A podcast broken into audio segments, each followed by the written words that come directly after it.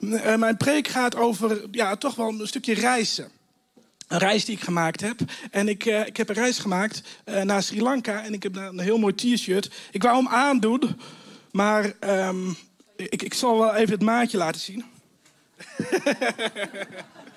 nou, ik weet niet. Ik pas er denk ik net niet meer in. Maar ik ben... ik, ik ben naar Sri Lanka geweest. Een enorm mooi land. En ja, het, mooiste van dit t-shirt, daarom heb ik me eigenlijk meegenomen, is de achterkant. Dus eh, mensen die, eh, die zien jou daar aanlopen en denken... hé, hey, dat is echt een eh, Sri Lankees natuurlijk. En die, die lopen door en die kijken nog even naar achter. En dan zien ze dit. ja, toen dacht ik, die moet ik kopen. Die moet ik, dat, dat is echt geweldig. ja. Hey, eh, Sri Lanka, een prachtig mooi land. Alleen ook een enorme armoede. En eh, het is een eiland. En eh, op het eiland moeten ze alles inkopen. Dus ook olie en benzine. eh, de meeste voedsel moeten ze allemaal ja, van het buitenland halen. En dat maakt het dat de, de, de mensen die daar wonen... Ja, heel erg in armoede wonen. En ze drijven vooral op toeristen. Nou, een van die toeristen was ik. Dat is hartstikke leuk. En ze hebben, eh, eh, ze bekend op staat, dat staat dan ook op de t-shirt, is de Aziatische olifanten die daarvoor komen. En ik ben gek op olifanten. En eh, dus ik, ja, ik moest dat zien. Ik ging daar naar een park, eh Yala National Park. En ja, daar komen die, ja, die olifanten nog wild voor. Tenminste in het beschermd gebied. En toen ik daar aankwam, toen, eh, toen dacht ik eerst van, oeh, ik ben niet de enige. Want het is echt een toeristisch iets. Het is echt eh, enorm druk. Je moet 's ochtends vroeg moet je erheen, omdat eh, die, die olifanten 's middags ook last hebben van de warmte. Dus ja, dan zul je ze nog wel zien, maar dan zijn ze vol in rusten. Dus we moesten om half zes ochtends al klaarstaan. En ik was er helemaal klaar voor. Ik had zo'n groene safaribroek aan, je weet wel. En ik heb, ik heb helemaal nagedacht over wat ik aan zou doen. Ik denk, als ik iets oranjes aan doe, dat is leuk. Want iedereen weet dat je uit Nederland komt. Maar, maar ja, die olifanten zie je natuurlijk dan al van een, van een eind. Dat is niet slim. Dus ik heb echt goed nagedacht. Ik had mijn, mijn fotocamera mee. Want eh, ja, je wilt natuurlijk ze ook mooi vastleggen. En dat, dat ik was er helemaal klaar voor. Ik... ik eh, ik wachtte op die jeep en eh, het leuke was, we zaten met z'n zessen in een jeep. Twee Vlamingen. Nou, dat is, dat is, sowieso, al, dat is sowieso al leuk. En, en, en dat je gewoon lekker Nederlands kan praten, dat vind ik ook altijd fijn. En, er zaten nog twee Duitsers bij in. En één Duitser was wel heel erg leuk. Dat is een bekende Duitse YouTuber. En die bekende Duitse YouTuber, ja, nou ja, daar heb je dan gelijk ook wel een klik mee. En ja, dan eh, ook le- leuk om, om iets waar je denkt, van, daar kan ik over praten. En eh, ja, dan, eh, dan ga je naar zo'n park toe. En dan ben je er echt eigenlijk helemaal klaar voor. En dan kom je bij de ingang en dan denk je, nou, daar gaan we, hè. Olifanten kijken. Wat denk je? Een rij van 30, 35 jeeps die allemaal naar binnen willen. Een uur lang. Het werd bijna schemerig. Dat je denkt, nou, leukste zonsopgang eh, eh, daar, eh, dat je die- die kan zien vanuit een hele rij met jeeps. Maar een uur lang moesten we daar in de rij staan. En toen waren we daar uiteindelijk. En dan konden we nog niet naar binnen. Er kwam een links van mij een jeep aanrijden met zo'n, ja, bijna een Luke Reed-achtig brede Amerikaan. En ik dacht dat ik er goed uitzag, nou, hè, qua kleding dan. maar eh, maar ehm, hij zag er nog beter uit. Hij had een heel safari-outfit en zo'n zo'n mooie safari-bolhoed, je weet wel. En ik had een klein, klein flesje, niet zo eentje, maar ik had een klein flesje water bij me. Eh, maar hij had zo'n ding met water dat je echt denkt, nou eh, gaat hij een week eh, daar in het park zitten of zo. Maar, en hij had een hele mooie camera bij zich, waar ik echt wel wat jaloers op was. Want er was een camera met zo'n lens, echt dat je denkt, oeh, die is heel wat van plan. Dat, eh, dat is wel heel gaaf. Hij had alleen een VIP-pas. Dat betekent dus dat je ja, eigenlijk overal bij langs mag gaan. En als jij dan al een uur in de rij hebt gestaan. en je denkt, je, we gaan eindelijk dat park in. Komt er dus zo'n jeep met zo'n Amerikaan met een VIP-pas die even voor wil. Nou ja, goed, gelukkig is het maar één, ja, is het maar één jeep van de, van de 35. Het was een prachtig park trouwens. Alleen weet je wat het was? Omdat het zo massaal en toeristisch is, hadden alle chauffeurs een walkie-talkie waar ze mee in verbinding stonden met elkaar. Heel slim. Want als het zo'n groot park is en je wil dan um, een olifant um, ja, vinden, dan is het wel makkelijk dat je elkaar kan inlichten. Van, ja, olifant gezien, uh, tweede boom links. Maar, uh, ja, maar als dat nou gebeurt, als dat nou gebeurt, weet je wat er dan gebeurt? Gaan 35 van die jeeps vol in de gas. En vol naar die olifant. Dus dan moet je je voorstellen dat er zo'n zo'n olifant zit heel rustig de blaadjes te eten. Denkt, oh, mooie dag vandaag. Oh, lekker, lekker. Kijkt even achterom. En ziet dan 35 jeeps om hem heen staan met allemaal toeristen die allemaal het ene plaatje willen. Ja, ik ook natuurlijk. Dus ik zit met mijn camera zo heel goed. Uh, ja, ja, ja, ja, ja. Ja, je weet wel zo, hè. Want ja, ik heb die Amerikaan voor me met zo'n lens. En als je daar omheen wil, ja, dan moet je echt eventjes zo, zo eromheen. Ja, dat is, uh, safari is om aan te raden. Het was prachtig, maar het was, het, het was ook wel een hele beleving. En uh, we hebben eigenlijk de hele dag zo heerlijk daar door dat uh, landschap gereden met die jeep. En op een gegeven moment dan verspreiden die jeeps zich. Hè? Want uh, ja, dan, dan, gaat de een gaat linksaf en de ander rechts. Dus het valt allemaal op een gegeven moment mee. Tot eigenlijk dat we ja, aan het einde van de dag zijn. En al die jeeps moeten er weer uit. En ehm, ja, ja en uh, wij reden heel mooi, reden we met de jeep achter een andere jeep aan. En we dachten, nou, um, niks aan de hand, hè. Totdat we iets zagen gebeuren voor ons. En ja, dat, uh, dat heeft eigenlijk uh, wel heel veel impact gehad op mijn leven. Weet je, die jeep voor ons zagen we in een bocht de bocht niet meer kan houden.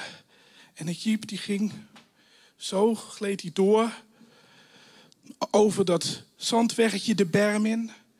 En hij kwam tot stilstand op zijn kop. We zagen hem doorrollen. En dat was in eerste instantie schrikken. Maar eigenlijk zeiden we gelijk, en dat is eigenlijk de titel van mijn preek vandaag. Stop! Help! We moeten wat doen! Gelukkig begreep de chauffeur als wij heel hard riepen: stop, help! Dus de chauffeur stopte. En we zagen een ravage voor ons. We stapten uit. We zagen dat er zes mensen in zaten die ja, bekneld zaten. Dus het eerste wat we dachten, ze moeten eruit. Dus we schoppen die, die ramen in. En één voor één tillen we die mensen eruit. Zetten we aan de kant van de weg. En je moet weten, die wegen daar, dat zijn niet mooi met asfalt. Maar het is allemaal zand en het, is, het zijn allemaal steentjes. En het waait en het waait op. En um, ja, toen zagen we eigenlijk echt de ravage. Toen we ze allemaal naast elkaar stonden. Toen zagen we dat, uh, ja, dat er uh, van alle zes wel iets hadden. Schrammen op de knieën. En ja, ze hadden allemaal slippers aan. En uh, ja, je kan je voorstellen dat, um, dat het verschrikkelijk uitzag. Het eerste, ik heb een zorgachtergrond. En uh, het eerste wat ik dacht is, weet je wat we moeten doen? We moeten maar zorgen dat er niet te veel vuil in die wonden komen. Want dan wordt het alleen maar erger, dan gaat het ontsteken. We hadden gelukkig nog een klein flesje water bij ons wat erin zat. En we hebben de wonden, hoe pijnlijk ook voor die mensen hebben we op dat moment gaan spoelen. Dat is het enige wat we konden. Maar het water raakte op. En we dachten, wat moeten we nu? En ik dacht eigenlijk, ik ging eigenlijk gelijk in de stand van, oh, we moeten helpen. Dus we moeten kijken, er zijn hier zoveel chips. Er, er, er, er zullen toch wel meer chips zijn waar we water van kunnen lenen. Dus ik keek om me heen en ik zag, waren eigenlijk bijna allemaal bezig. Maar ik zag één iemand die dat niet deed. Dat was die Duitse YouTuber. En weet je wat die aan het doen was? Die, die was met zijn telefoon vlogs aan het opnemen. Wij waren aan het doen wat we konden. En op dat moment was een Duitse vlogger die gewoon van de zijkant deed wat hij eigenlijk altijd deed als er iets gebeurde. Hij pakte zijn telefoon en ging filmen. Voor de likes, voor de views. Maar ja, eh, ik dacht oké, okay, laten gaan. We, we, moeten door. Ik zag een jeep aankomen. Ik denk, ah, die kan ik wel, die kan ik wel tegenhouden. Ik zeg, stop, stop, help, help, help. Weet je wat er gebeurde?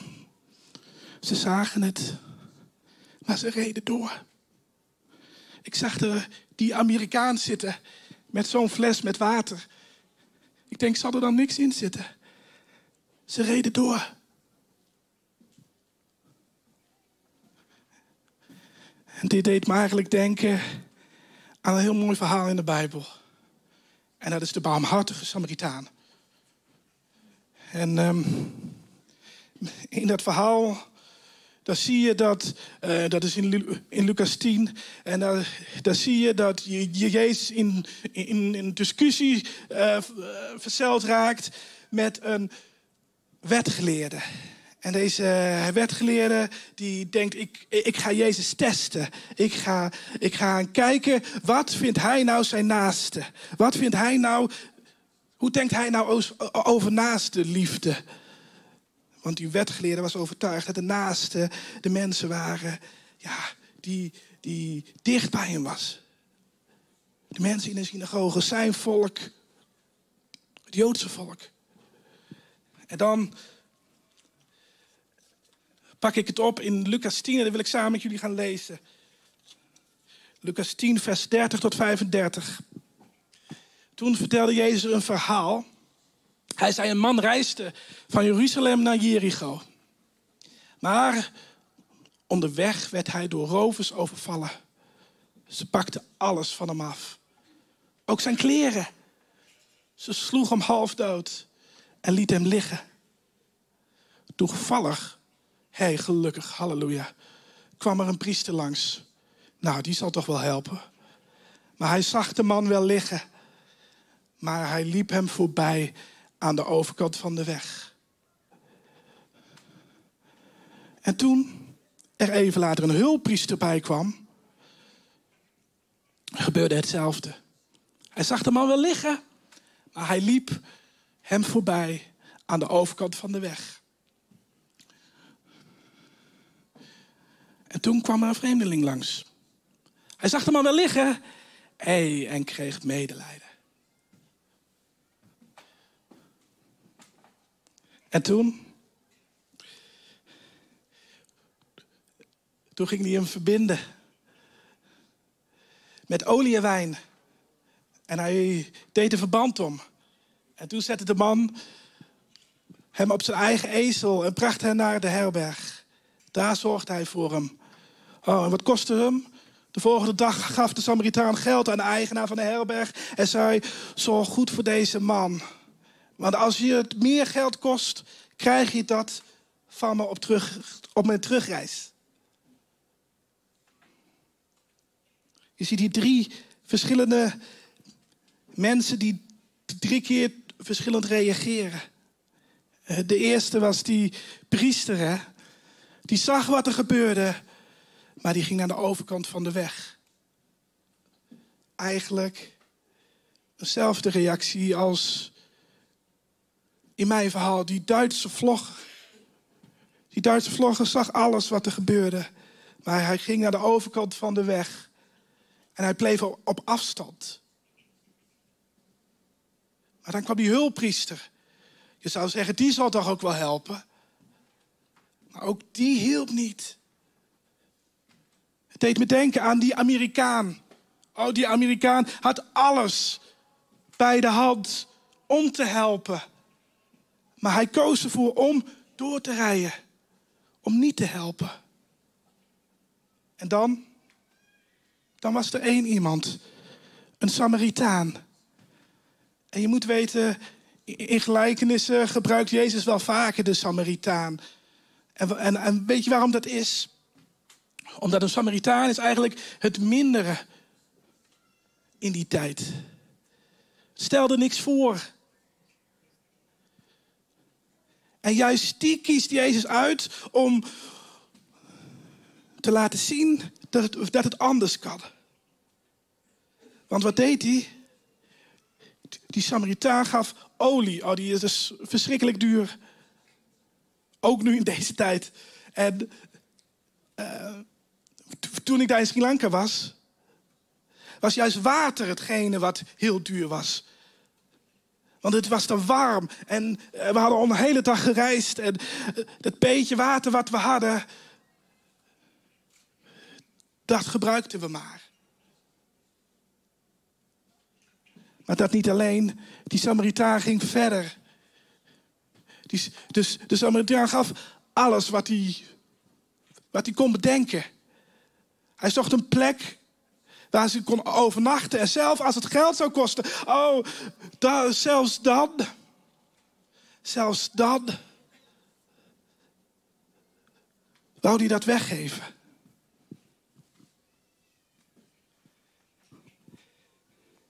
En dan komt eigenlijk Jezus terug bij die discussie met die wetgeleerden. En dat lezen we in vers 36 en 37. En dan stelt Jezus een vraag. Wat denk je? In vers 36. Wat, wie was de medemens van de man die overvallen was? Wie was, wie was de barmhartige? Was dat de priester? De hulppriester? Of de Samaritaan? En de wetgeleerde die zei: de Samaritaan, want die was goed voor de gewonde man.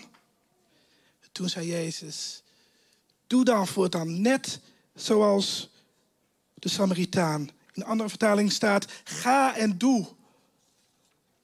Een opdracht, ga en doe. Maar als we dat lezen, dan wordt er een spiegel voorgehouden. Een spiegel aan de mensen die, die in die tijd leefden volgens de wet. En de spiegel van, hé, hey, zijn de naasten dan de mensen die ik in de synagoge heb? Of maakt het, maakt het uit welke mensen? En in dit verhaal is heel duidelijk, het maakt er niet uit. Het maakt er niet uit of het nou een moslim is. Het maakt niet uit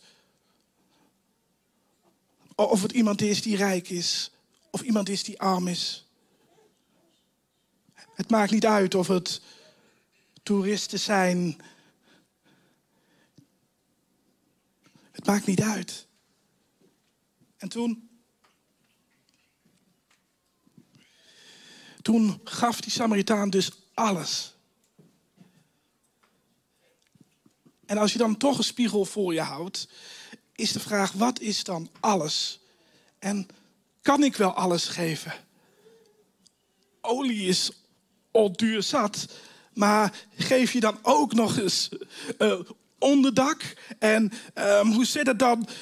Oh, dan ga je denken. En dan, dan, uh, hij heeft toch ook een. Hij was op doorreis, maar hij heeft toch ook een gezin. En, en, en hoe kan hij. Hoe kan hij dan alles geven? Is dat niet te veel? Zijn daar dan ook grenzen aan? Hoe doe ik dat? Hoe doe ik dat? Je naaste liefhebben, altijd. En hoe kan het dan als het me echt alles gaat kosten? Hoe moet dat dan? Hé, hey, en dan ben ik zo blij. dat we de Bijbel hebben. Want Galaten 5 geeft het antwoord. Galaten 5, vers 22 tot 25. Ook die heb ik op de bier, maar het gaat over de vruchten van de geest. Maar door de geest ontstaat liefde, blijdschap, vrede, geduld, vriendelijkheid, goedheid, geloof, hulpvaardigheid en zelfbeheersing. Tegen zulke dingen heeft de wet van Mozes niets. Ook in dit verhaal. Die wetsleraar, die had hier niks op tegen. Die kon hier niks anders dan dit erkennen. De mensen die van Christus zijn, hebben hun ik met alles wat daarbij hoort gekruisigd. Toen wij ons leven aan Jezus gaven, toen, toen, toen wij zeiden van, Heer, u bent Heer in mijn leven, zijn we ons ik, hebben we dan afgedaan. Omdat we weten dat Jezus voor ons aan het kruis is gegaan. En dat, dat is het eerste. Dat is het, eh, het, het allerbelangrijkste, het fundament van de vruchten van de geest. Is dat jij weet dat Jezus voor jou is gekruisigd. Dat je ik nu in Hem is. En dan is het, het tweede. Laat je dus leiden door Gods geest. Dan zul je door de geest op het rechte pad blijven. Als je denkt, hoe moet dat dan? Gods geest is het antwoord. Die zal jou leiden en op het rechte pad houden. Wat er ook gebeurt. En dat is een belofte die zo supermooi is. En als je dan hebt over de vruchten. Vruchten komen aan bomen. Niet zomaar van de een op de andere dag. Maar ze groeien eraan. En op een gegeven moment zie je de vruchten en zijn ze rijp genoeg om het te plukken. Dus als we heel eerlijk zijn, dan is het helemaal niet raar als we zeggen van hé, hey, ik zie niet alle vruchten nog in mijn leven. Als het om naaste liefde gaat, als het om, dan is het helemaal niet raar dat je denkt, oh, hoe moet dat dan? Ik wil, ja, ik kan zo'n prekenserie over de vruchten uh, van de geest uh, geven. Ga, ga, ik niet doen. Ik wil de twee, wil ik eruit um, lichten. Omdat die heel goed passen met de preek van Peter van vorige week. Maar tegelijk ook met wat ik vanochtend hier verteld. En die twee zijn de laatste twee van de vruchten van de geest. En dat is allereerst hulpvaardigheid. Want de vrucht van hulpvaardigheid is misschien wel een van de moeilijke. Als je een telefoontje s'avonds krijgt terwijl je, ja, uh, terwijl je een hele andere avond gepland hebt. Wat doe je dan? Neem je dan op of zeg je nee, ik, ik druk hem uit? Welke keuze maak je? Hou je vast aan de planning? Of zeg je, uh, die broeder, die zus, die heeft mijn hulp nodig. La, la, laat ik opnemen. Misschien kost het je dan een uur of twee uur. Misschien is de planning dan helemaal in de war. Maar een vrucht van de geest is hulpvaardigheid. Bereid zijn om te helpen. En het, uh, het deed me denken aan die Amerikaan. Die eigenlijk helemaal niet hulpvaardig was. Want die reed door. Hij zag de situatie, maar hij reed door. En hoe zonde is dat?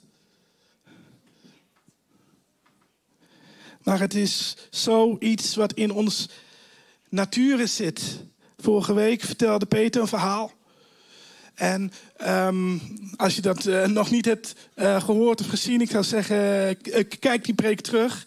En eh, dat hij ehm, een, gitaar verkocht. En ehm, ehm, niet alleen de gitaar, eigenlijk de hele avond nog met die man meetrok. En nodigde hem uit voor te eten en nog spelletjes spelen, alles. Maar dat is niet iets. Dat is niet iets wat we uit nature doen. Dat is iets wat de geest ons in ons legt. Wat, wat een roep is van de geest. Van hé, hey, nodig die maar uit. Hé, hey, laat die maar mee eten. En dan is voor jou altijd nog de keuze: doe het of doe je het niet. De tweede is zelfbeheersing. En zelfbeheersing is eigenlijk het, het moeilijkste, voor mij ook echt het moeilijkste uh, wat er is. Als ik naar de supermarkt ga en ik koop vijf dingetjes. En ik denk, ik heb niet veel tijd, vijf dingetjes, ik ga naar een zelfscan. Je denkt, dat ben je altijd snel, hè? Je, je scant alles keurig.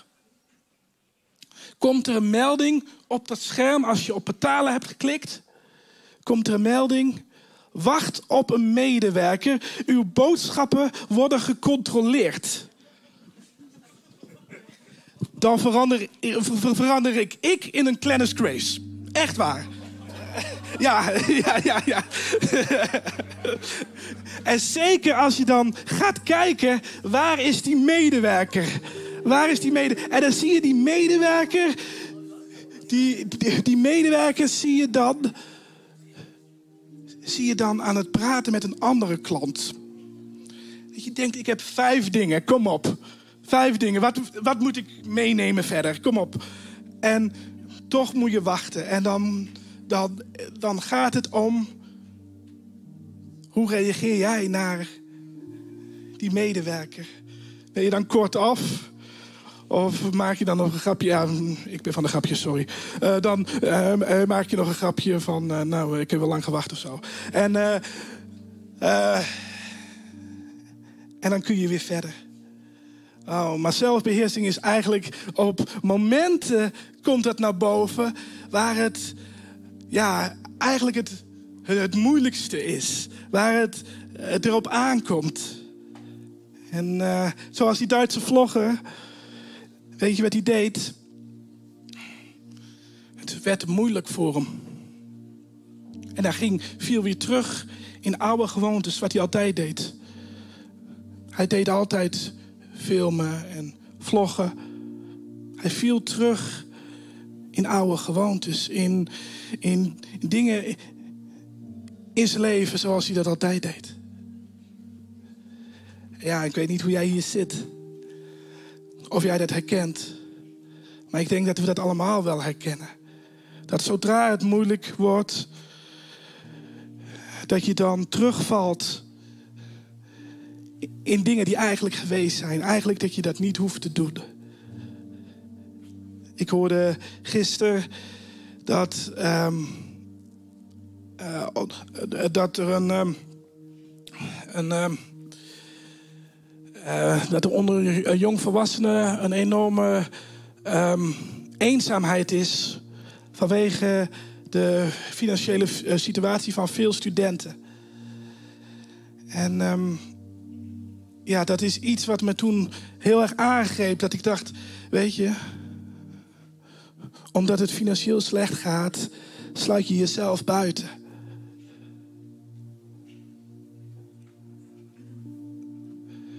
En um, ja, dat is, ja, dat is iets wat, wat, wat ook weer in het verlengde zit van hoe reageer je als het minder met je gaat.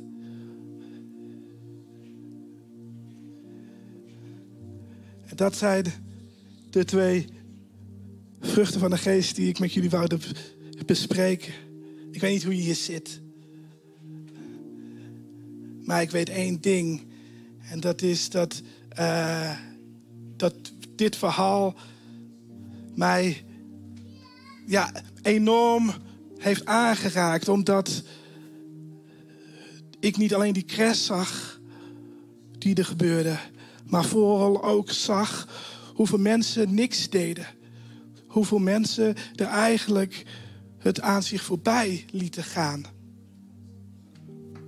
En je vraagt je af, hoe, hoe is het misschien afgelopen met de, met de jongens? Er waren zes Engelsen. En ehm, ja, die zes Engelsen, die, ehm, die heb ik daarna niet meer gesproken. Ik heb veel voor ze gebeden. Maar het was heel, heel moeilijk voor ze, want uh, ja, na een half uur kwam er een ambulance. En je denkt, er komt een ambulance met zwaailichten. Nou, niet in Sri Lanka. Daar kwam zo'n pick-up truck, je weet wel. En uh, met zo'n laadklep. Laadklep ging naar beneden, werden erin ge, ingezet en werden zo naar het ziekenhuis gebracht, wat een kwartiertje verderop lag. De reden dat het ongeluk gebeurde was. Uh, de chauffeur werd uh, geprikt door een wesp. En uh, hij uh, werd doordat hij geprikt werd een moment blind, kon ik zien. Daardoor verloor hij de macht over het stuur. Was eigenlijk geen houden meer aan en rolde zo de berm in. Tragisch ongeval.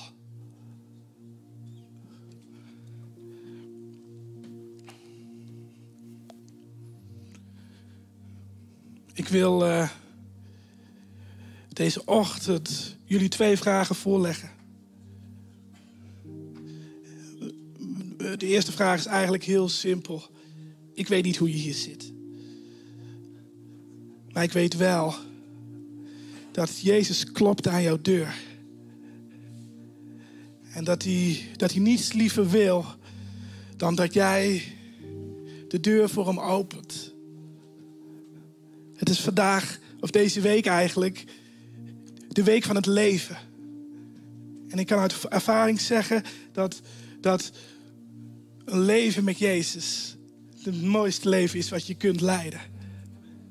En ik zou het jou zo gunnen om vandaag echt te zeggen, misschien opnieuw, misschien voor het eerst, te zeggen: hé, hey, ik wil Jezus aannemen in mijn leven. En zullen we daar eerst een veilige omgeving eh, eh, voor brengen? En dan wil ik gewoon vragen: wil je je hoofd buigen en je ogen sluiten? Niet omdat ik het vraag, maar gewoon voor jouw buurman of buurvrouw. Gewoon om, omdat dit een keuze is tussen jouw buurman en buurvrouw. Tussen, tussen jou, tussen jou en God. Jou en Jezus.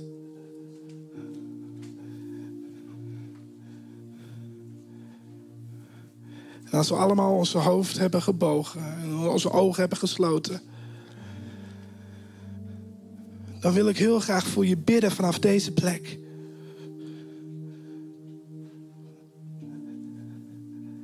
Maar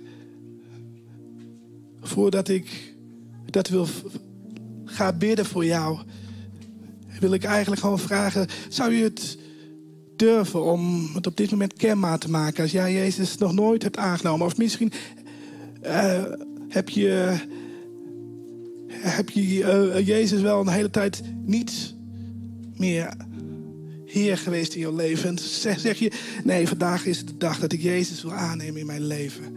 Dan wil ik dat heel, heel simpel, mag je dat aangeven. Gewoon door je hand op te steken.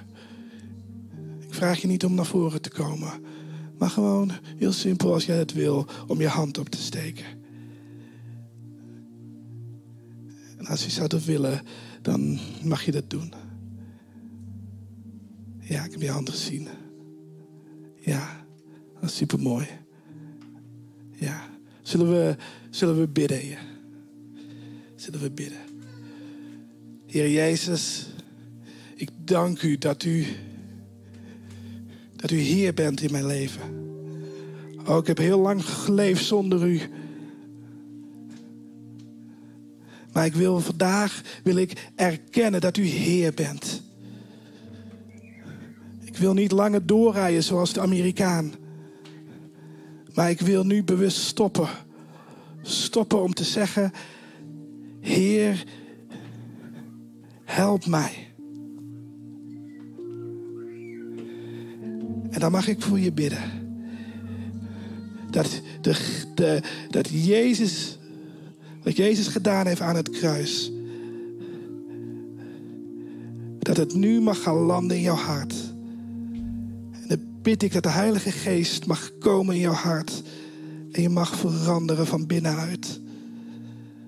En dat je deze zoektocht mag beginnen. En dat je die mag voltooien met u. In Jezus' naam. Amen.